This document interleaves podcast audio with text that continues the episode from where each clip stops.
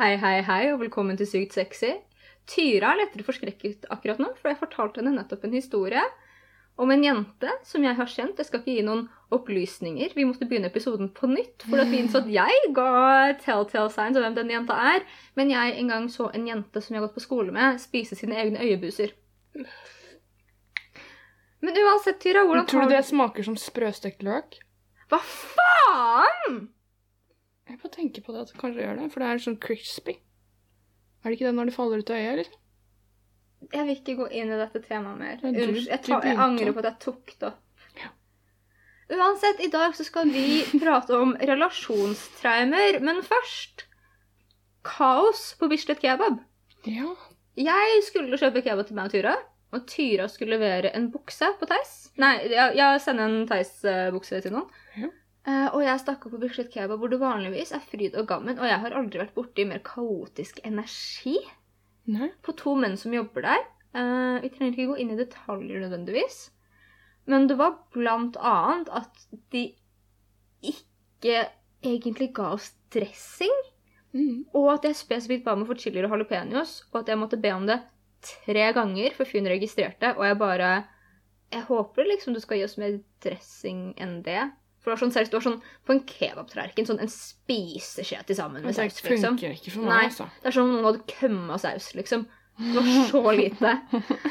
Og så hadde jeg nettopp sett han lage en sånn kyllingkebabtallerken hvor den sånn drukna i saus. Så jeg bare, du forstår at det er noen kontraster her, liksom. Ja. Jeg sa det på en veldig hyggelig måte, men jeg liksom Jeg holdt på faktisk å klikke. Jeg syns du skulle klikket. Nei, jeg, klik, jeg er ikke deg. Nei. Nei.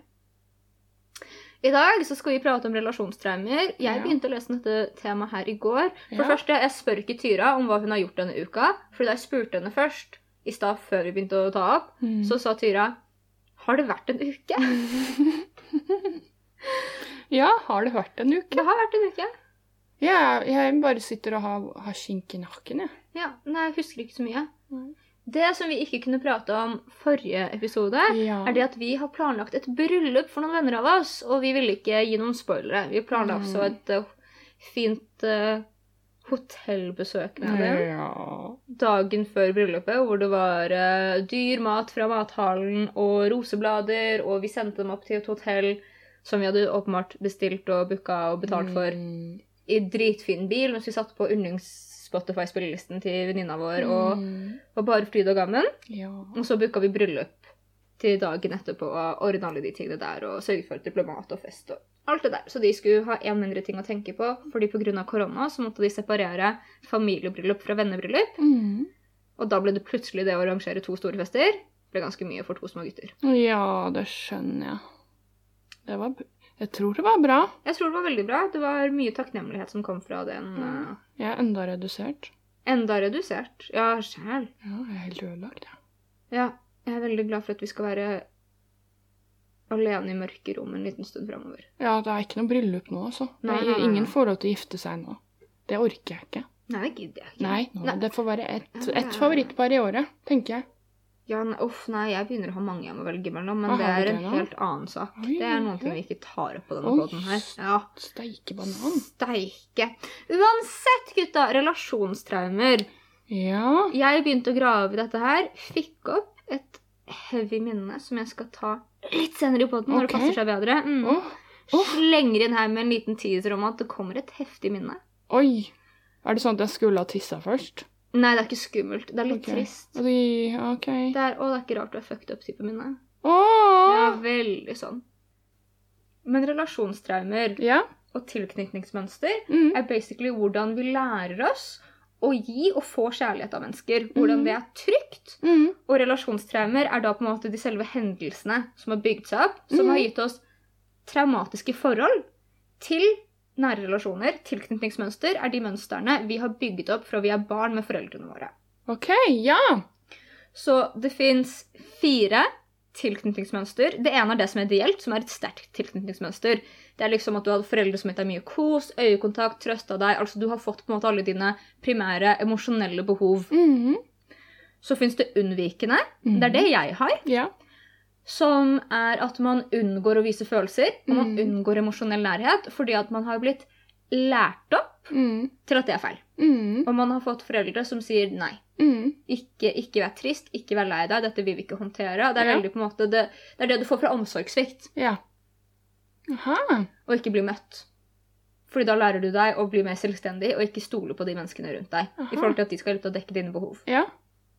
Så er det engstelig. Det er det du har med meg, og Mhm. Ja. primært sett. Mm. Det kommer fra å da ha en veldig turbulent et, Eller en veldig turbulent foreldre. Ja. Som gjør så at man ikke kan regne med de samme tingene hver dag. Mm. En forelder som f.eks. ett sekund kan 'Å, jeg er så glad i deg', og så neste sekund være sånn 'Jeg orker ikke se på deg akkurat nå'. type Mm. ting. Det trenger ikke være direkte sånn, men det er den følelsen som blir skapt. Ja. Så er det uorganisert, Mm. som er den siste. Eh, alle disse her er engstelig, men det er liksom unnvikende engstelig. Så er det liksom engstelig, engstelig, og så er det uorganisert. Men også da engstelig, for at dette her Mm. kommer fra en utrygghet. Ja. Uorganisert er det at man har hatt en foreldre som man har søkt kjærlighet og ros fra, og på en måte omsorgs fra, som Mm. man samtidig er redd for. Ja. Som veldig typisk da f.eks. vold Mm. Utløser denne her. Mm. Og det gjør sånn at man blir veldig kaotisk i forhold til hvordan man relaterer seg til andre mennesker. Mm. Veldig behov for kanskje da å starte drama og sånn, og det er veldig ofte det at da siden det er en som kommer fra det som er mest traumer, Mm. så er det veldig ofte da at man gjenspeiler alle Og det gjør man hele tiden, men til en ekstrem grad gjenspeiler personen man møter og omgås med gjennom traumene sine. Ja, så du vil, du vil koble deg på traumene dine igjen og igjen? Altså du vil møte de samme menneskene du har hatt i traumene dine? Det trenger ikke være at du møter de samme menneskene, men hvis du gjør en liten ting som trigger meg, Ja. og jeg har denne her, og faren min har slått meg, Ja. og du minner meg bare en liten ting, Ja. du er akkurat sånn som pappa. Ah, ja, OK. Eller eksempel hvis noen sier 'jeg vil ikke være venn med deg, jeg ble mobba', du er akkurat sånn som jentene som mobba meg. Aha, så du går sant? rett tilbake Du sånn går rett tilbake, du klarer ikke skille Nei. Du klarer ikke reflektere og skille det, så Mm. alt blir på en måte traume på traume på traume, og du klarer ikke separere disse tingene. wow. Du klarer ikke se at 'å ja, men du er sånn og sånn, og nå gjør du dette her fordi sånn og sånn'. Det er, nei, Mm. det er fordi du er slem, og du skal ta meg. mm. Mm. Der ligger mine kjærlighetsforhold. Min... mm. Så jeg har da eh, unnvikende, først og fremst. Mm. Jeg har engstelig forhold til min mor. Ja. Jeg har en mor som enten var veldig kjærlig, Mm. eller fullstendig bare 'jeg orker ikke å håndtere det akkurat nå'. Mm. Og kunne, kunne jeg også si det, bare 'dette gidder jeg ikke akkurat nå'. Mm. Du gråter. Nei. Mm. Har ikke tid. Mm. Jeg har uorganisert i forhold til min far. Eh, dette her er en historie som har blitt sagt veldig mye i mitt liv. Og folk har uh, påpekt det. Og jeg har lurt bare hvorfor er jeg sånn her med pappa? Hvorfor er jeg en så liten dritt når jeg er med faren min? Mm. Og det er at jeg en gang var med faren min og broren min. Vi står og har det hyggelig og prater. Og så helt ut av det blå så ser jeg på pappa så sier jeg, 'Pappa, du vet at jeg fikk skikkelig mye ros som liten Nei, ros? Jeg fikk. skikkelig mye ris som liten på rumpa. Sier han ja. Det ble om ting. Kinks og jokes on you. Sånn helt ut av det blå, og broren min bare står der og bare Hvorfor gjør du sånn her? Hvorfor gjør du sånn her? Uorganiserte typer har da en tendens til at de føler at de skal straffe en person. Mm. Fordi at 'Hvorfor gjør du dette her mot meg?' Jeg skal ta igjen. Mm. Uten at det nødvendigvis har vært noe veldig ille du har gjort. Mm. Men de føler veldig fort den angripelsesfølelsen fordi at det herser opp hele tiden i traumene deres. Mm. Hvilke har du? Jeg har denne her eh, Hvem er det an... Uh, ustabile? Mm, organisert? Uorganiserte. Mm. Men jeg er også den engstelige. Yeah. Det er vel min hovedgreie, Jeg er engstelig. Um, jeg er alltid veldig, veldig redd for at folk skal, for, eller de jeg er glad i, skal forlate meg. Mm. Så jeg velger å Ved en minste endring i atferden deres, Mm. så kan jeg ta beina på ryggen og løpe. Mm. For jeg har lært fra barndommen å bli veldig var på endringer. Mm. Eh, og det har da også blitt at f.eks. du og jeg, med en gang jeg merker at du er litt annerledes, så blir jeg veldig, veldig redd. Så med deg er jeg veldig på en måte mer needy med. Mm. Jeg stopper ikke å svare eller noe, jeg bare blir litt intens med deg. Men f.eks. i forhold til romantiske forhold, så slutter jeg, eller ghoster jeg og svarer ikke. Mm. Men jeg er også veldig uorganisert i veldig mange av kjærlighetsforholdene mine. For jeg skal straffe alle de nye eventuelle, eventuelle partner jeg skal ha, da. Mm. Og bare gå rett i gamle traumer. Mm. Og jeg kan være veldig slem uten grunn og, å si ting som bare Ja, sånn som du sa til faren din med kink. Jeg kan Mm. plutselig si noe sånn superusmakelig bare fordi jeg skal straffe de, helt enkelt. Mm. Jeg vet, vet ikke hvorfor, Nei. men det er bare et eller annet forsvarsmekanisme som bare kicker inn. Mm, men det er det som er så rart også på meg. Fordi at vi begge to er liksom For det er sjelden da, at folk bare er én. Mm, ja.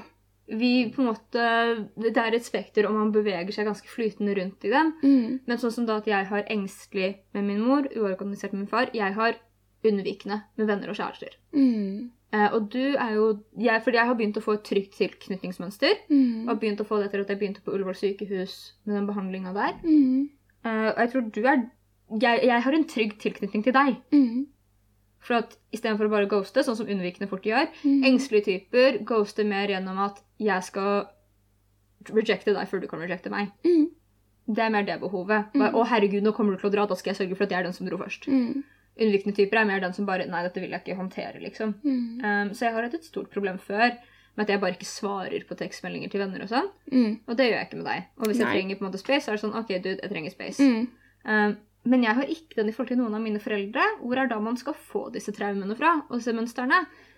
Men i forhold til romantiske relasjoner så jeg har vært Jeg er det ikke nå mer. Jeg har endra det veldig siden sist jeg fikk hjertet mitt knust og bare Oi sann, her er det noen ting som må endres på. For at hvis Mm. ikke så tar jeg det samme mønsteret om og om, og om igjen. mm, Men før det har jeg vært ekstremt unnvikende. mm. Hvordan da?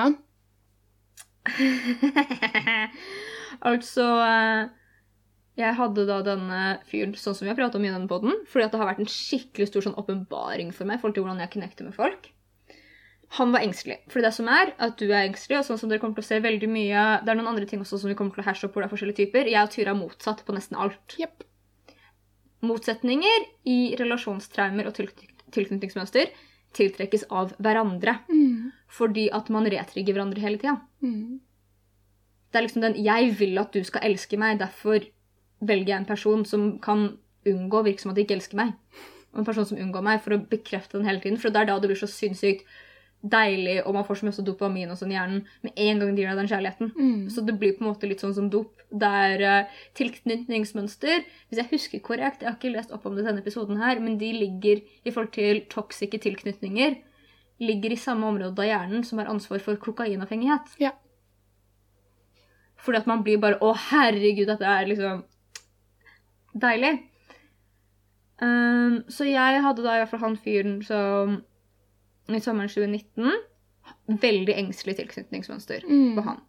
Uh, han spurte meg om å flytte inn med han Mm. til et annet land. Jeg sa nei først. Jeg sa ikke nei først. Nei. Først kødda jeg og bare ja, ja. Men da hadde ikke jeg jobb, så antar jeg at du får bare betale leia og forsørge meg, liksom. Mm. For jeg trodde han tulla. Så jeg kødda tilbake. Og så sier han det er helt greit, jeg hadde bare vært fornøyd med å ha deg her, liksom. Og så sier jeg OK, du må roe ned, vi skal ikke flytte sammen. Mm. Uh, han vil introdusere seg, meg til foreldrene hans. Ja. Og jeg bare, For dette er ganske tidlig. Dette her er i løpet av sånn to måneder. Ja. Uh, og, jeg bare, og vi prata sammen sånn hver eneste dag. Mm. Kontinuerlig. Uh, og han var sånn til det nivået at han måtte stå opp klokka ni om morgenen for å dra på jobb. Mm. Og dette var i løpet av sommerferien, så hadde ikke skole eller noe. Mm. Så vi prata til klokka fire om morgenen. Han legger seg om å stå opp tidlig og gjør dette her kontinuerlig, liksom. Og vi Mm. bare prater gjennom dagen hans. han ligger i Ja, ikke sant? Ja, ja, ja. Engstelig tilknytningsmønster. Mm. Og han hadde også den greia Jeg går bare etter toxic jenter, liksom. Altså, Mm. det, er sånn, det er ikke nødvendigvis at du går etter toxic jenter. Du oppsøker og lager atferd som kan være toxic, for at du lager situasjoner hvor du blir avvist, liksom. For Ja. at det blir for intenst for folk. Mm. Um, i hvert fall, Han ville introdusere meg til foreldrene hans. Mm. Og jeg var sånn, jeg er ikke gira, liksom. Det er altfor tidlig for meg. Mm. Jeg var sånn, jo, men de har allerede sånn De, de er allerede invitert på middag, liksom. Så jeg måtte det. Så møtte foreldrene hans. Hadde ikke lyst. Og det ble sånn Jeg har så jævlig lite lyst, liksom. Fordi jeg er unnvikende også. Ja. Uh, og han sa liksom sånn at han elsket meg. Og jeg så han rett inn i øynene. På den mest unnvikende måten mulig. Og sa nei. Mm. Så tatt opp her på den. Så det er veldig hvordan det manifesterte seg akkurat der. Hmm. Hvordan er det på en måte du kan se jeg må ærlig med at nå er jeg så midt oppi alt mulig av kaos fordi jeg leser så mye på det i dag. Ja. Og det setter i gang en del liksom minner. mm. Um, men jeg vil si i forhold til um, kjærlighetsmessig, da. Fordi nå er vi inne på kjærlighet nå, eller er vi inne på livet? Ja, du lurte på hvordan jeg så det mønsteret med unnvikenhet i kjærlighet, hvis Mm. jeg husker riktig. Ja. Uh, ja, jeg er med kjærlighet, så er jeg veldig Egentlig ustabil og engstelig. Um, jeg stikker alltid av før de stikker fra meg. Mm. Uh, og jeg skjøtter ned veldig da, når jeg på en måte begynner å merke at det blir problemer. Mm. Så det er bare han jeg var sammen med i to år nå. Når han sa det var slutt, så bare dro jeg. Mm. Fordi jeg orker ikke å forholde meg til det, fordi det kommer til å eskalere i et ekstremt sinne. Mm. For det er sånn jeg håndter, håndterte det å bli forlatt. Mm. Så hvis jeg lar de på en måte vinne, da, Mm. så vil det sinne og kontrollbehovet dukke opp. Så jeg bare stikker av og blir veldig stille. Um, men det kommer jo også fra et sted etter jeg på en måte mista kjæreste, en kjæreste, da. Mm. Um, mm, det handler jo om Fordi da for første gang så lot jeg noen slippe helt inn. Mm. Da jeg var 26, så opplevde jeg over tre eller fire måneder bare sånn intens kjærlighet som egentlig er sånn motsatt Vi var veldig motsatt av hverandre, fordi Mm. alle, vi trygget hverandre igjen og igjen og igjen. Mm. Uh, og jeg lot han slippe inn, og han var kjempeustabil, men også helt fantastisk. Og den dagen han Og vi ble forlova og alt mulig. Og den dagen han tok livet sitt, så var det som, for meg en sånn stemme som sa I told you so, eller det var det her jeg sa. Mm. Det har jeg sagt til deg hele tiden, at hvis du lar noen slippe inn, og du ikke passer på å være at noe endrer seg, så vil de forlate deg. Mm. Så etter det så har på en måte alt bare prellet av av kjærlighetsforhold. Jeg blir jo kjempelei meg. Mm. Um, jeg er jo egentlig en skikkelig softie, Mm. men jeg bare er så ekstremt redd, da. Mm. Så jeg, jeg Egentlig vil jeg rope til mennesker som forlater meg, bare sånn 'Elsk meg, elsk meg, bli, bli, bli, vær så, vær så snill'. Mm. Men jeg heller bare Jeg sier ikke noe, Mm. fordi da vinner de ikke. Mm. Og da kan jeg gå med hodet høyt hevet og egentlig hate meg selv fordi jeg liksom ikke latt de egentlig få en sjanse, da, eller jeg vet ikke. Det her temaet her er bare fryktelig vanskelig, fordi det er jo, i alle fall for min del, midt i smørøyet av alt jeg driver med nå i personlighetsklinikken og altså forhold generelt. Det er jo det vanskeligste i hele verden. Relasjoner er det vanskeligste. Mm. Jeg tror det egentlig er det for alle, liksom. Mm. Det er jo det. Sånn som du sier, relasjoner er dritvanskelig. Mm. Um, men det som er interessant, er at du har en mye mer nidig framstilling av din engstelse ved meg. Mm. Uh, for det var jo bare sist i dette bryllupet som er egentlig hvorfor det ble på en måte dette temaet her nå, da, til tross for at det er ganske heavy. Mm. Så er det jo at da står vi på dansegulvet. Jeg vet ikke helt hva det er som trigget deg til å si det, men vi står og danser. Mm. Så stopper du opp og ser på meg. Så husker jeg ikke ordrett hva du sier, men det er et eller annet i duren av Jeg har ikke lyst til at du skal like noen andre enn meg. Og jeg vet at det er dumt, men jeg har ikke lyst til at du skal like noen andre enn meg. Åh. Mhm. Ja, det er i dag i dagen. mm. Og vi har hatt flere sånne episoder. Det var jo en gang hvor vi satt på Noa Noa, og du snudde deg til meg mens vi satt og drakk og kødda med venner og hadde det gøy, og så snur du deg til meg med tårer i øynene og sier 'Jeg gruer meg til den dagen du gifter deg', for da drar du fra meg. Mhm. Men det handler vel kanskje om Åh, nå kan jeg bare grine hele tiden. oh, nei! Men det er vel kanskje det det handler om, er at mm, du er liksom nummer to etter Peter, da. Jeg har på en måte Mm. Sluppet inn. Og det her blir jo sånn hender mens vi gjør dette her? Jeg blir jo sånn gråtepod. Men det går fint. Det er på tide. Ja, det er det vel. Ja, det handler jo om det, og det er jo det at jeg har jo aldri heller hatt Åh, nå er det sikkert mange som blir forbanna som hører den poden her, men jeg har aldri hatt en bestevenn. Mm. Jeg har heller ikke forstått um, behovet av venner, Mm. fordi jeg snakker ikke samme språk. Mm. Uh, og det å plutselig da få en bestevenn Fordi du har jo Du snakker om at du har ofte sånne Ja, altså det her hvor du og jeg er veldig like, samtidig motsatt. mm, Jeg har alltid Altså, jeg har blitt mobba som liten, så ikke da. mm, Men etter at jeg kom inn i tenårene mine, så har jeg alltid hatt en bestevenn. Ja. Og jeg har alltid hatt en bestevenn som har sagt du er annerledes enn alle andre. Mm, Den bestevennen jeg hadde før deg, mm, er den første jeg begynte å bryte ned mine vegger med. mm. Og så kom du, og kom en bulldoser på resten av det som sto igjen, liksom. yeah. Jeg hadde, og hun Jeg hadde en bestevenn før det, Mm. hvor det ble en stor krangel. Vi hadde vært venner i sånn mange Mm, år før jeg hadde blitt kjent på videregående, og så blitt bestevenner etter videregående. veldig fort etter videregående. mm. Det tok meg to uker å få en ny bestevenninne. Wow. På to uker så hadde jeg fått en ny bestevenninne og var helt ferdig. Etter å ha vært bestevenn med noen i et år. Men tror du Fordi at jeg ikke Jeg er unnvikende, så jeg knekter ikke. Men tror du at det kan komme litt av borderline Fordi her også blir det jo snakk om um, forhold til liksom relasjonsmønster og tilknytning. Så har man jo også diagnoser oppå det hele igjen, ikke Mm. sant? Nå er jo du ferdig på bæsjbolen. Ja. Men det som er snakket om borderline, er at man har ofte ett favorittmenneske, ikke sant? Men jeg har aldri hatt en borderline-diagnose. Nei, faen, jeg glemmer det. Ja, jeg er ikke borderline, jeg er bipolar. Så du har ikke hatt det favorittmenneskegreiene, du. Men hva, hva er det på en måte Ja, jeg bare syns det er så spennende. Hvordan har du da på en måte sett på som en bestevenn fordi du har også vært unnvikende? Hvordan Ja. Men jeg har hatt diagnosert med unnvikende personlighetsforstyrrelse. Ja, OK. Um, jeg har opplevd fram til egentlig da i 2018 ble det vel, eller helt starten av, helt starten av 2019, for vi slutta å være venner, hun og jeg, i starten av 2019. Mhm. Fram til da, og jeg fikk en ny bestevenninne som jeg kom veldig godt overens med. Mm. Fram til da så har jeg opplevd venner som mer jobb. Oh, ja. Jeg har opplevd at jeg har vært støttekontakten til noen, og jeg har, sånn som du og jeg pratet om, at jeg har en tendens til å emosjonelt regulere mine venner. Mm. Det har jeg alltid gjort. Mm. Så jeg er den personen de ringer når de trenger noen. Mm. Jeg er den personen de ringer når de trenger noe. Mm. Jeg er alltid den som ordner. Mm. Så for meg så har det vært mer sånn at jeg har vært en veldig sliten mamma. Åh.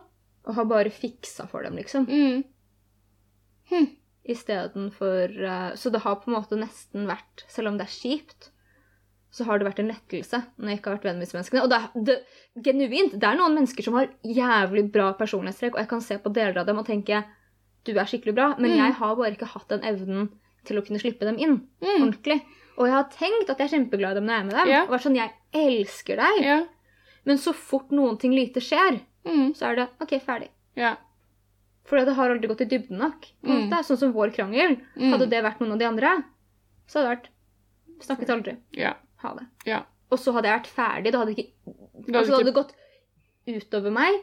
Men det hadde vært stresset av selve situasjonen, ikke å miste en person. Mm, og det hadde vært mer forferdelig å si erstatt en person. Og så hadde det vært at vi hadde vært da i samme gjeng. Altså alle de tingene der. Ja, men der, jeg har faktisk faktisk hatt veldig separate bestevenner fra gjengene mine. Det er Ah. veldig rart. Hvorfor det, tror du? Jeg vet ikke, men det har Fram til egentlig deg og hun forrige, så har det aldri vært Bestevennen min har vært den jeg har, har, vært, har ikke vært gjengen jeg har festa med. Eller gått ut på byen med. Det har vært separat. Enten så fester jeg og bestevenninna mi alene og drikker, Mm. eller så fester jeg med en annen gjeng, Mm. eller så tar de meg med på sine. Mm. Men det har ikke miksa. Nei. Og jeg tror det er fordi at jeg har bare unngått på en måte litt instinktivt å lage noen spor. Mm. Mm. Men jeg har ikke det problemet nå mer i det hele tatt, som jeg er veldig glad for. Jeg har jo en barndomsbestevenninne som jeg har enda den greia med at Ja. hun er jo ikke i gjengen eller noen ting. Mm. Så det kan jeg kjenne meg igjen. Men hvis du har vært gjennom flere på en måte bestevenner, og du har hatt de separerte Jeg er så klam igjen, jeg kan ikke holde Ja. hånda. Eh, At de har vært separerte? Ja, det har ikke vært et bevisst valg. Nei, det har, nei. Men det har vært det at det har nesten alltid vært en sånn utviklingsfase hvor OK, nå har jeg den bestevennen, og så har vi våre venner der. Men så får jeg venner her også, og så mikser det ikke. Og så blir det sånn OK, så går jeg over hit, og så bare utvikler seg på nesten sånn videre på min lille vei, da. Det er jo jævlig praktisk da, når man Ja, gjør det gjør har det ikke vært bevisst. Nei. Det har bare vært en måte å ikke integrere forhold. Som sikkert har vært et ubevisst unnvikende mønster. Ja, det er det jeg tenker det må være da. Mm. Eller mye av det, iallfall. Jeg Mm. vet ikke. For det er jo altså de kjennetegnene ved unnvikende er det at man ikke viser følelser. Mm. Man ikke sier hvordan man har det. Mm. Man ikke søker hjelp, ikke søker emosjonell støtte. Mm. og man holder hodet veldig kaldt. Mm. Det er klassisk unnvikende. Mm. Det er jo Ja, det, de blir jo bare sittende, stakkars. Ja. Og det er jo det som er veldig interessant. Vi har jo da gått på personlighetspoliklinikken. Og da i starten så lærer man også om engstelig tilknytning og Mm. unnvikende tilknytning. For at veldig mye personlighetsforstyrrelser har base i tilknytning. Ja. Fordi de er pålært av traumer og relasjoner. Mm. De gjorde en studie, jeg tror det var på 70-tallet, hvor man kan se allerede hvor et barn er ett år gammel, om de begynner å vise indikasjoner til forskjellige relasjons- og tilknytningsmønstre og traumer. Mm. Og det de gjør, er at de har en mor inne på et rom med en baby, får moren til å gå ut, Mm. og så når moren kommer inn igjen, så ser de hvordan ungen reagerer. Og er ungen trygg, så løper den på en måte opp, eller kanskje over et år, da, men liksom rundt sped, ikke spedbarn, men uh, smårolling alder, liksom. Mm. Løper opp til moren, trygg tilknytning, klemmer, går videre og leker mer, liksom. Ja. En engstelig unge kommer til å gå opp til moren sin og hylgrine. Mm. Og bare 'hvor var du?' og være veldig emosjonelt utagerende. Mm. Unnvikende reagerer ikke. Mm. Og selv om jeg ikke har det mønsteret til min mor, så er det på en måte det er den mangelen på reaksjon. da. Det er bare den det er greit. Det gjør ingenting.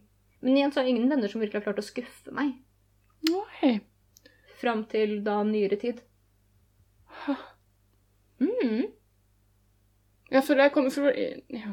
Åh, Det er så mye. Det her er så stort tema hvor jeg bare Mm. forsvinner helt inn i, fordi det er så mange aspekt å tenke på.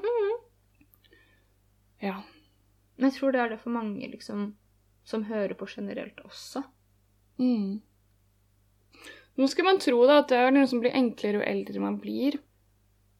Det kan det bli, da. Det kan jo bli helt borte også. Man kan faktisk, Det som er veldig fint med tilknytningsmønster, er at man kan få trygge tilknytningsmønster, Mm. selv om man er type, fordi at det handler om en bevisstgjøring Ja. som utvikler seg til en psykisk prosess, Mm. som er det du er i nå. Ja. Hvor du sitter og bare tenker over alt dette her, og bare begynner å hyperanalysere alt sammen. Ja.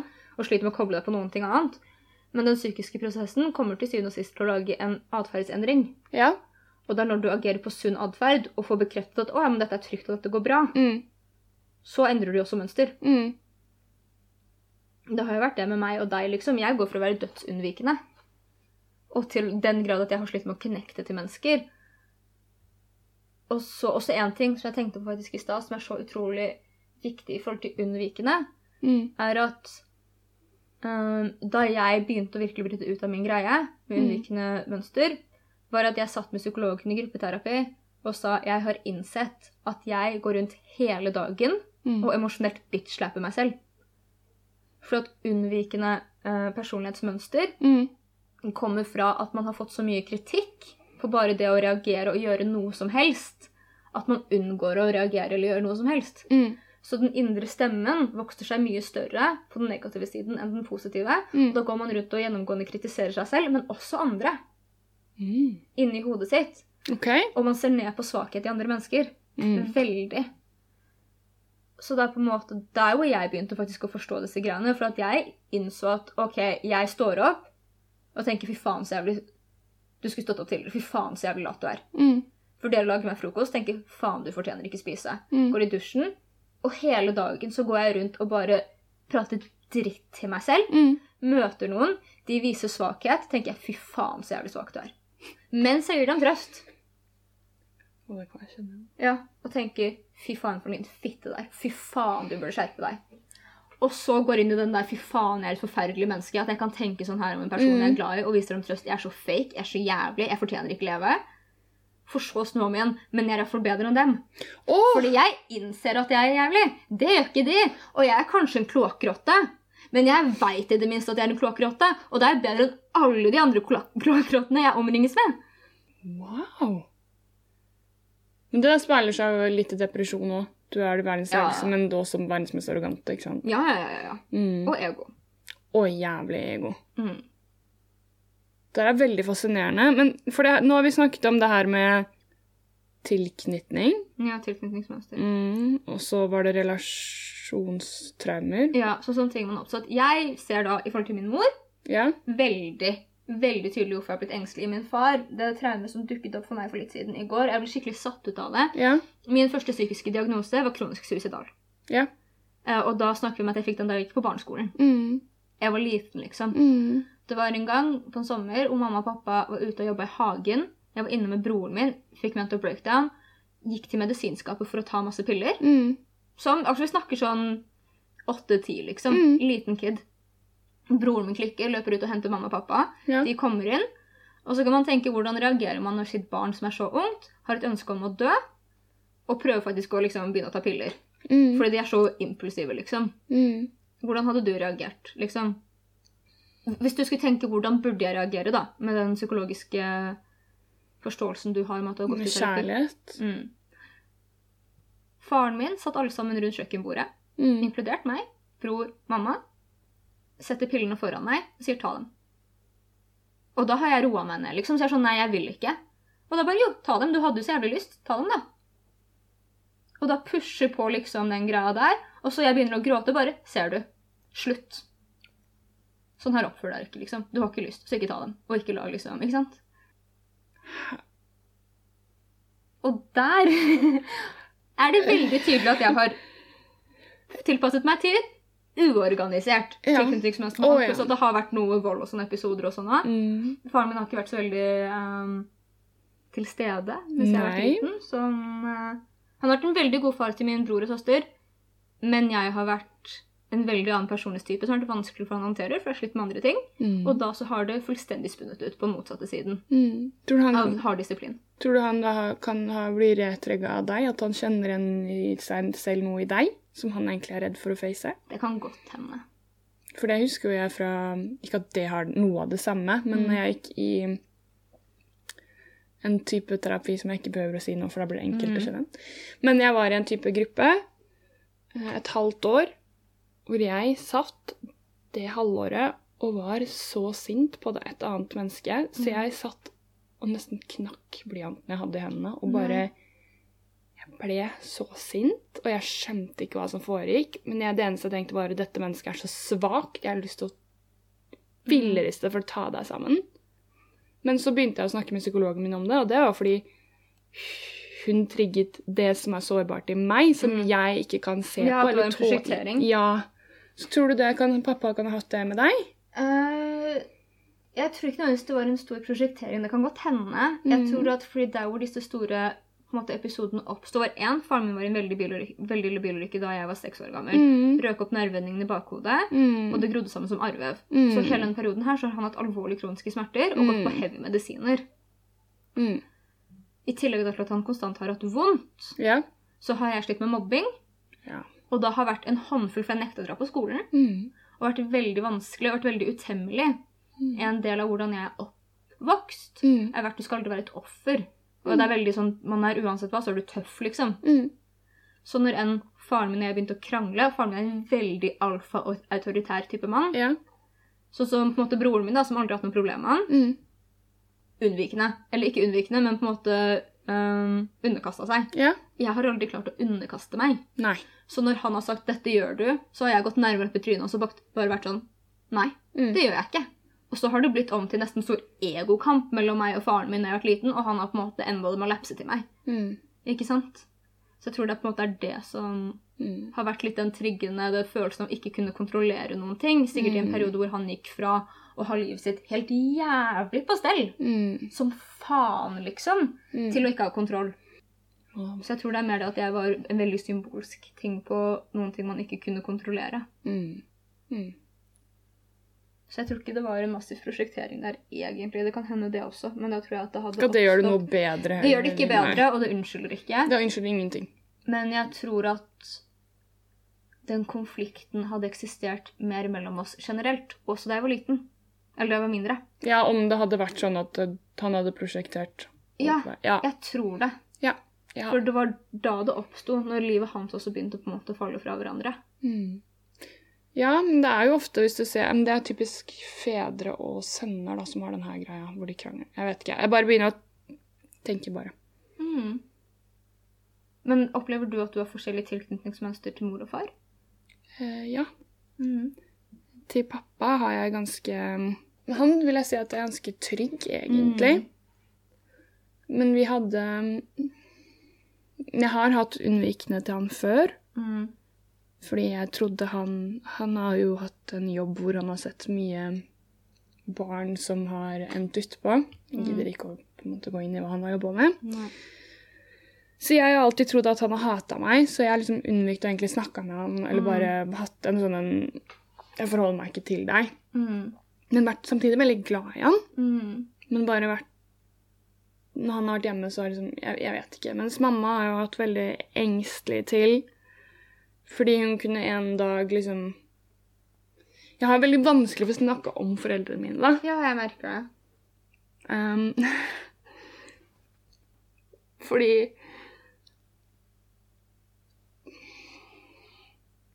Jeg har mye dårlig samvittighet, da. Mm. Og tenker veldig på de som De har gjort så godt de kunne. Mm. Um, det, men mamma er jo som meg. Enten, enten så er hun veldig engstelig, Mm. eller så er hun jo totalt av. Mm. Og da den ene dagen når jeg var barn og jeg var veldig utagerende, så kunne hun enten være bare ikke forholde seg til det, Mm. og neste dag bare være, være som en kjærlig og snill. ikke sant? Hun har alltid vært snill, Mm. Men det var veldig vanskelig å vite hva som skulle komme. Om det var bare at jeg møtte bare en skulder eller en, en klem, da. Mm. Det har vært veldig vanskelig å forholde seg til. Mm. Men samtidig ja, jeg har veldig vansker å forstå um, hvordan på en måte familierelasjonene mine har påvirket meg, fordi jeg kommer fra en sånn på mange måter veldig white-picket, normal familie. Mm. Foreldrene mine har vært stabile, de er enda gift. Søsknene mine er helt normale, oppegående. Mm. Um, ja, jeg bare syns det er vanskelig. Jeg veit ikke. Mm. Men jeg har jo, der kommer det veldig med Som vi skal snakke om det her med um, pleasing også. Mm. De gangene jeg har vært lagt inn, Mm. um, så er det ikke fordi jeg selv har hatt lyst, eller forstått det. Det har vært for at mamma og pappa skal få fri. Mm. Um, og jeg har liksom skrevet sånne lange unnskyld-brev til de, og bare sånn 'Unnskyld at jeg ble den datteren her', og at dere måtte liksom håndtere dette, da. Mm. Ja. Jeg veit ikke. Herregud. Jeg, skjønner det veldig godt. Jeg tror det er veldig mange som sitter fordi at jeg har ikke sånne foreldre som har vært typisk gode foreldre. Mm. Jeg har liksom Altså, det har vært veldig sånn Det tok veldig lang tid før barnevernet ble involvert. For at det er veldig sånn Hadde mye penger, vokste opp veldig i hvitt sted. Mm. Veldig den grad der. Men jeg har veldig egoforeldre. Mm. Og det kan man også se veldig fort fra utsiden. At Ja. veldig folk, foreldre som har jobba sånn i business, vært veldig liksom opptatt av at ting skal være gøy, Mm. og emosjonelle og tunge, hverdagslige, omsorgsfulle ting, var ikke så viktig for ham. på en måte. Nei. Vis. Var det stakkat liksom utsiden? Nei, det var glamour. Ja, det var Altså, moren min er jo Samantha fra Sex og singelliv. Ja. Jeg er jo, sånn som jeg fortalte om den jakka som pappa prøvde å stjele, hvor han hadde vært på lunsjmøte, drukket seg drita på champagne, og han og bestekompisen som han eide en bedrift med, prøvde å bryte seg inn for at pappa og han skulle ha matchende lilla og grønne pelskåper. Mm. Så jeg har jo vokst opp med en far som har vært i liksom exit-type livsstilen. Mm. Og har på en måte ikke sett på den serien, for jeg bare, jeg trenger ikke se det. For jeg har hørt disse historiene siden jeg vokste opp. Jeg har hørt ved frokostbordet den gangen at pappa ble hivd ut av et bordell, liksom. Mm. Ikke sant? Og hørt sånne historier, så det har på en måte ikke vært en sånn hei, trygt, fint, godt. Det har Mm. vært veldig sånn Vi gjør det som er gøy. Ja. Vi leker. Og faren min er veldig sånn antidop og har liksom, var veldig tydelig på at var veldig sånn, Da han ble hivd ut av bordell, så var det fordi at de stakk inn og drakk i baren mens de satt og lo av folk som kjøpte horer, liksom. Ja. Og sånn, Da ble de hivd ut for at ha-ha-ha, men veldig en sånn entitlement at jeg får lov til å gjøre akkurat hva jeg vil. Mm. Men jeg kan forstå veldig at du kommer med dårlig samvittighet for at du kommer fra et hjem som samtidig som det har vært mangler, Mm. så har det vært et veldig kjærlig hjem. Og jeg tror veldig mange sitter på den følelsen av skam, Mm. som er veldig viktig. Fordi at man tenker men jeg har jo hatt fine foreldre. Jeg har ikke hatt foreldre som har slått meg. Jeg Mm. har ikke hatt disse tingene her. Mm. Ikke sant? Og da tror jeg at man sitter på veldig mye sånn Å, men da er det jeg som må være problemet. Mm. Og det er det veldig sjeldent. Mm. Barn blir ikke utagerende med mindre det er noen ting som ikke er riktig, eller det er et behov som ikke blir dekka. Nesten alltid. Nesten alltid. kan være biologisk også. Det kan være biologisk også, men igjen da så blir det jo for å på en måte ta skylden igjen på seg selv. Ja, Når man sier det, for at du har jo faktisk ikke en psykisk sykdom som er sånn 'Å ja, jeg har vært sånn her siden barn'. mm. Det er jo ikke det at du har slitt med autisme og da Jeg hadde det da. Ja, men fortsatt. Mm. Jeg veit ikke. Det er vel kanskje Det er jo ikke sånn at du har slitt med autisme og du har hatt behov for veldig, veldig strukturerte på en måte hverdager som har vært vanskelig å innfri. mm. ADHD er jo heller det at man må holde deg i gang, Mm. ikke sant? Ja. Og det at du kan reagere emosjonelt impulsivt. Ja. Men igjen, da er det noe man må tilpasse seg til. Det er det, og de har nok absolutt ikke forstått hvordan de skal hente det. Mhm. Så hver gang jeg reagerte med ekstreme følelser Fordi jeg har ganske Jeg har ikke ekstreme følelser, men jeg er ild, da. Mm. Så har det for de vært veldig enkelt å bare fjerne seg. Mm. Og latt meg skrike eller klikke på ting- i fred. Fordi Mm. jeg tror ikke de har trodd at noe kan roe meg ned. Um, en av mine aller første kjærester, han var sammen i mange, mange, mange år. Eneste måten han visste å roe meg ned på, var å faktisk seriøst takle meg. Mm. Legge meg i bakken og holde meg nede. Mm. Så at jeg skulle komme ned igjen på jordkloden, liksom. Mm. Fordi jeg har vel aldri lært det med å regulere det, da. Um, men man lærer jo da veldig fort at som barn at da er det noe galt med deg. Mm. For du ser ikke noen andre reagere sånn. Nei, pluss at man er lojal mot foreldrene sine. Veldig.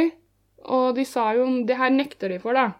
Eh, det er jo det verste er man hører. Det har jeg aldri sagt. Da vil du sikkert høre det. jeg har hørt det veldig mye. Ja, og da liksom Eller det har jeg aldri gjort. ja, nei, ja, ikke sant? Nei, dette har du funnet på. Og jeg ble, ja. når jeg var helt hysterisk, det husker jeg så godt, så kunne de si at nå ringer vi barnehjemmet, liksom. Nå skal du bort, fordi det her funker ikke mer. Mm.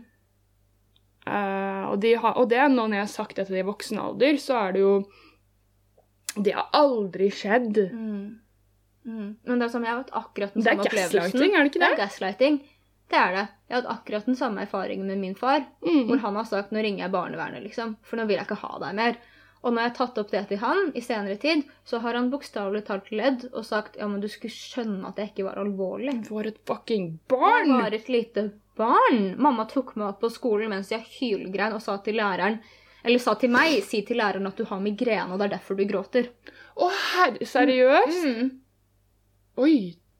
Det er ikke rart du også har blitt en pleaser etter hvert. Nei,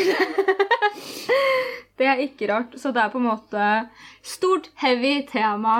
Å, fy faen. Neste uke så er vi morsomme. Lover. Jeg lover. Å, herregud, hvor lenge har vi snakket nå, egentlig? Ja, det er såpass, ja. Ja. Guri. Og dette med pleasing bringer oss inn på noen ting som også er relasjonstraumer. Mm. Som er noe du får av foreldre, og at det er tilknytningsmønster, men det er ikke attachment-typer. Mm. Det er noe som heter kjærlighetsstil. Mm. Og der så har man eh, ustabil altså, altså Alle disse her er oversatt fra engelsk. Ja. Så du kan søke opp love style hvis du trenger det på engelsk, og attachment theory hvis du trenger det. Mm. Vi kan legge det ut, da. Vi kan legge ut noen ting, men eh, nivåer av ting jeg gidder å legge ut Nei, sorry. nei, nei. uh, Tyra har grått, jeg har hatt en heavy dag. Jeg skal ikke please så jævlig mye. Nei, og jeg har skink i nakken. faktisk. Du har skink i nakken. Mhm. Så kjærlighetsstilene, der er det fem istedenfor fire. Det er ustabil, kontrollerende, pleaser, Mm. unnvikende og offer. Mm. Igjen så er Tyra motsatte, fordi at Tyra er ustabil, Mm. med undertegner av kontrollerende og litt grann pleaser. Mm. Jeg er unnvikende, med litt grann undertegna offer, Mm. og så litt pleaser igjen under der igjen. Mm. Eh, og det er, det er dødsinteressant med at vi er så polare hverandre, fordi at polariteter tiltrekkes alltid nesten Mm. av hverandre i denne tingen her. Mm. Altså Det er til og med også liksom veldig typisk at kontrollerende mennesker oppsøker offer. Ja. Fordi at det er lettere å kontrollere en person som er et offer. ja, mye enklere. Mye enklere. Og for et offer så er det mye enklere å være med en kontrollerende, fordi da Da slipper trenger man ikke forholde seg til virkeligheten. Ikke sant. Det er jo det er en enkel matematikk, det der. Det er en veldig én pluss én type matematikk. Veldig. Hvordan er det du kan se på en måte denne ustabile delen? Kan du forklare hvordan den funker litt mer? Eh, Det er fordi jeg har blitt, som jeg sa tidligere på den, jeg er så veldig var på endringer. Mm. Så med en minste endring Mm. så enten så skjøtter jeg totalt ned, Mm. eller så kan jeg ringe da kjæresten min 100 ganger. Mm. Det er ikke noe imellom. Mm. Og det ble jo spesielt etter jeg mista Peter. Mm. Hvis du da, da ikke som kjæreste svarer på telefonen. Det her gjelder jo venner òg. Altså, Mm. Og du ikke svarer meg. Mm. Jeg blir helt hysterisk, for jeg tror du er dau. Mm. Um, så det, ustabiliteten handler om Og Jeg vet ikke. Det er bare Nå har jeg glemt hva det handler om, Katrine. det er greit, du har grått. Det er denne ustabiliteten som også er veldig typisk for borderlinere. Ja. Også med 'jeg elsker deg' neste dag. Eh. Ja, ja, ja, Eller jeg sånn, hater deg. ja og så det svinger veldig på emosjonell tilknytning også. Åh, herregud. Men det er jo ikke rart man også en dag elsker noen og hater den andre, fordi plutselig den andre dagen så føler du ikke noe, ikke sant? Mm. For det kobler seg av og på hele tiden. Og så kontrollerende. Ja, fy fader, For det er alt jeg Det handler jo om at um, kontrollerende mennesker er ofte trygge på én følelse, og det er sinne. Mm. Fordi den har de kontroll over, og den, da viser du ikke mykdyret ditt. Mm. Da ligger du ikke på ryggen, Mm. og da har du kontroll, da. Mm. Og det var det jeg lærte gjennom å være et veldig sårbart barn, var å reagere med sinne. Mm. Folk holder seg unna deg. Mm. Og da har jeg tatt det med videre i forhold og blir jævlig sint. Jeg slo jo i stykker hånda mi i fjor fordi Mm. jeg følte at jeg hadde blitt svikta, og det var ikke rettferdig. Mm. Og da jeg, ble jeg sint og kontroll, og hvis no, den jeg er med, den skal høre på meg, og hvis den ikke hører på meg, da blir jeg sint. Mm. Og det er jo så usjarmerende, man vil jo ikke være sånn. Nei. Men det er jo en ting som snakkes altfor lite om, er jo den kontrolleringen, da. Mm. Fordi alle, det er så tabubelagt Mm. Å være kontrollerende, og det er, man skal jo ikke være kontrollerende, man skal ikke være sjalu, man skal liksom bare være all fryd og gammen. Um, ja. Jeg relaterer Ja, jeg, jeg kan se deg veldig i dem. Mm. I begge to. Mm.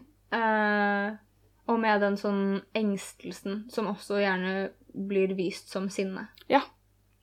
Fordi jeg er egentlig mest sannsynlig jeg er bare redd. Jeg er ikke sint. Jeg er bare kjempepisseredd. Mm. Og jeg aner ikke hvordan jeg skal håndtere redsel eller det å være lei meg. Jeg er jo bedre nå. altså Snart tre år i terapi. Jeg har jo begynt å lære. Mm. Men det tar tid, da. Ja, det gjør det. Og det å la faktisk noen komme inn på en og la det mennesket Eller begynne Det er faktisk det er som å være en villkatt, og du begynner å tilnærme en villkatt, villkatt og begynne å spise hånda di. Det er litt sånn jeg føler meg, da. Mm. Jeg tør ikke å spise hånda di før det på en måte nærmere og nærmere, og nærmere. Så kan jeg spise hånda di. Først da jeg begynte å jobbe med mine eh, problemstillinger da, gjennom meditasjon Mm. i, eh, i forhold til problemstillinger med kjærlighet. Mm. For det var da jeg var i lag med den Eller ikke i lag, vi var jo ikke kjærester. Men da jeg hadde den relasjonen min til han fyren som var sosiopat. Mm. Og så hadde jeg kommet til et punkt der jeg bare Dette går ikke. Mm. Dette kan jeg ikke fortsette med, men jeg Mm. klarer ikke å slutte. Så fikk jeg en guida meditasjon. Mm. Og jeg skulle gå inn og se på på en måte min partnerskapsfigur. Ja. Den delen av meg som representerte hva jeg trengte i partnerskap. Og da kom jeg inn i et rom med en rabiat hyene som jeg mata i hånda. Å ja. Men det var det. Det var, det var jeg tiltrakk meg til menn som var gærne, Mm. sånn som jeg klarte å kontrollere gjennom å være kald. Det var Mm. det jeg lærte også med han sosiopatiske fyren. Mm. Ha, og sånn som jeg har lært det også, jeg leser dette her, han traff hver eneste trigger jeg hadde. Mm. Og det var så jævlig vondt, og det var så jævlig godt! Mm. For han bekrefta alt! Mm. Og han var så spennende! Og jeg klarte å holde meg så langt unna han som overhodet mulig. Mm. Han var desperat for å komme inn på meg, og Mm. ringte meg og grein, liksom. Mm. Jeg husker Og det var så fantastisk òg, for det var så nydelig. Og jeg tenker at for alle andre jenter, nesten, Mm. som ikke har mitt tilknytningsmønster, så hadde dette er kjempetrist. For han ringte meg, og hver av disse gangene Han slutta fort med det òg, for jeg bare avviste han. Ja. Så han lærte fort at man ikke skulle gjøre dette her, men han ringte meg og trua med å ta selvmord for å være med meg. Og han tar en sånn 'Jeg har vært så mad forelska i deg siden første gangen jeg så deg'. Mm. Og så sier jeg navnet hans. Lang pause. Mm. Vi vet begge at du ikke har vært forelska i meg siden du først så meg. Så tar han lang pause. Mm. Går fra hylgrine til å le. Og så sier han 'OK, da, men jeg har jævlig lyst til å pule deg'. Ja. Og det er liksom, det var så bare mm, Der ser du. Mm. Deg Der.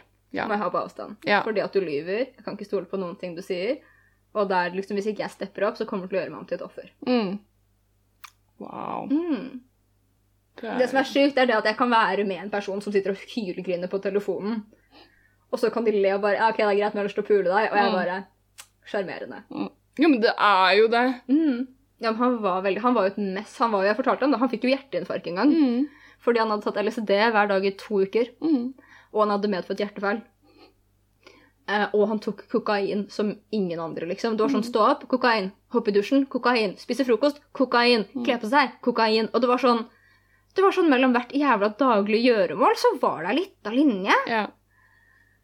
Uh, så åpenbart hjerteproblemer. Han hadde fått hjerteinfarkt på vei til å møte oss uh, i Stensparken Mm. og skulle drikke og feste der. Eh, det var da vi hadde masse amfetamin og sånn også. Det var den tiden av livet mitt. ja. Og så plutselig bare kommer han aldri. Og så får vi en snap av han at han er på sykehuset og har på masse sånne rør og testgreier og sånn. Og så bare Jeg har fått hjerteinfarkt, svimt av på gata, noen måtte ringe, og de henta meg ambulanse, liksom. For at han stikker av ja. fra sykehuset. Han og jeg står i parken og peller av han alle disse sånn lappene fra sånn EKG-måling og sånn. Mm. Men så bare Herregud, liksom, bare står og prater om det som har skjedd og sånn. Og så tar han en ginflaske, begynner å drikke rett fra og sier 'er udødelig'. Oh. Og så bare fortsetter med greia. Bare ja. Enn så lenge. wow. Mm. Ja, jeg hadde blitt sjarmert. Det der Ja, er jo livsfarlig. Det er livsfarlig. Men de tiltrekker seg jo de typene Peter og Vive og en sånn en. mm. Helt koko jambo. Men det, var, det er så fascinerende, fordi det er så langt unna alt annet. Det er så langt unna alt annet, og det er Og det er noe som er mer ute av kontroll. For, for min del så er det bare sånn Han var jo helt ute og tuta, liksom. mm. Så der var jeg den rolige. Mm. Um, Ja, der sier du noe. ja. Han var så ute av kontroll at Ja. jeg fikk trygghet. Ja. Du vet akkurat hva som skal Jeg vet akkurat hva som skal til, og på en måte, selv om han lyver, så vet jeg akkurat hvor jeg har han. mm. Men det snakker de jo også om på um, unnvikende Mm. livs... Altså måte å leve på, er at man er den som har hodet kaldest når det Mhm. stormer verst rundt. Ja. Fordi at jo mer konflikt som oppstår, jo mer klarer man å detache fra følelsene sine. Mm, det er deilig. Det er veldig deilig. Så da kan man på en måte spørre seg det store spørsmålet, hvis man kjenner seg igjen i dette her, da. Hva gjør jeg videre? Ja, hva gjør man videre? Nå har du fått veldig mye input av meg og Tyra fra våre personlige liv. Det har vært noen tårer. Det har, vært, har, det har kanskje vært én liten he-he et sted. En he. jeg trodde ikke det skulle være så heavy i dag. Nei, det var heavy. Men dette her er et veldig heavy tema. Hvis du sitter og kjenner deg igjen, da, kanskje du begynner å spille litt pingpong inni hodet ditt, Mm. så er det som er så jævlig kult med relasjonstraumer og tilknytningsmønstre og sånn, er at det er noen ting du kan bli frisk fra. Mm. Og det er gjennom bevissthetsgjøring, Mm. Psykiske prosess og gjenkjenne sin egen atferd. Ja. Og faktisk det å praktisere det i virkeligheten. Å være åpen og ærlig med en person. Mm. Også for eksempel for meg, da, å ta den der Men jeg trekker meg unna fordi jeg trenger space, liksom. Mm. Istedenfor å bare ghoste. Ja. Og at du sier 'men jeg blir redd når du gjør sånn og sånn'. Ja. 'Jeg er redd for at du skal dra fra meg'. Kan vi Mm. prate om dette her? Ja. ja, bare faktisk tørre å ta og spite det jævla sure Ja, for dette her er ikke sykdom. Dette her er mønster, og mønster kan brytes. Ja. Um, jeg håper at egentlig alle som hører på, i hvert fall de som kjenner seg igjen, gjør litt grann research. Også gjerne om du kjenner igjen en annen person, Ja. og søker opp, for at det fins veldig, veldig mye forskjellige teknikker til å jobbe med dette her. Det fins meditasjonsarbeid, altså det fins veldig mye skole. Det fins til og med psykologer der hvor det de gjør, er at de bare filmer at de holder en talk og legger ut på YouTube om forskjellige ting som kan oppstå med de forskjellige tilknytningsvaskene. Mm. F.eks. tillit. Hva gjør man om man er usikker på om partner skal dra? Hvordan håndterer man abandonment? Altså alle disse tingene er til de forskjellige personlighetstypene. Mm. Eller personlighets... Ikke typene, men tilknytningsmønstrene. Så det er en veldig tydelig vei videre, men man må skredd, skreddersy den til sine egne behov Mm. Og gjøre jobben. og gjøre jobben. Så selv om dette er kanskje en litt tung eh, episode, neste episode blir morsom, men etter der igjen så går vi inn i akkurat de samme temaene igjen, for det er Mm. noen veldig store um, tilknytnings... relasjonsproblematikk-type ting. Store ord, vondt i hodet, oh god, ja. liten gutt. Au. Jeg tror vi skal bare legge på røret. Oi, nei, det hørtes ut som vi skulle dø. Det var ikke meningen at du skulle legge på røret. Vi skal legge på røret, ses på den andre siden. Sayonara. Sayonara, takk for alt. Nei, men seriøst, altså Det virker veldig stort og tungt, men disse tingene her er faktisk noen ting som du veldig lett kan begynne å jobbe med sekundet du vet hvor du skal se. Yes. Og med det så sier vi takk for oss. Tusen takk. Ha det på badet. Sjokolade. Ha det.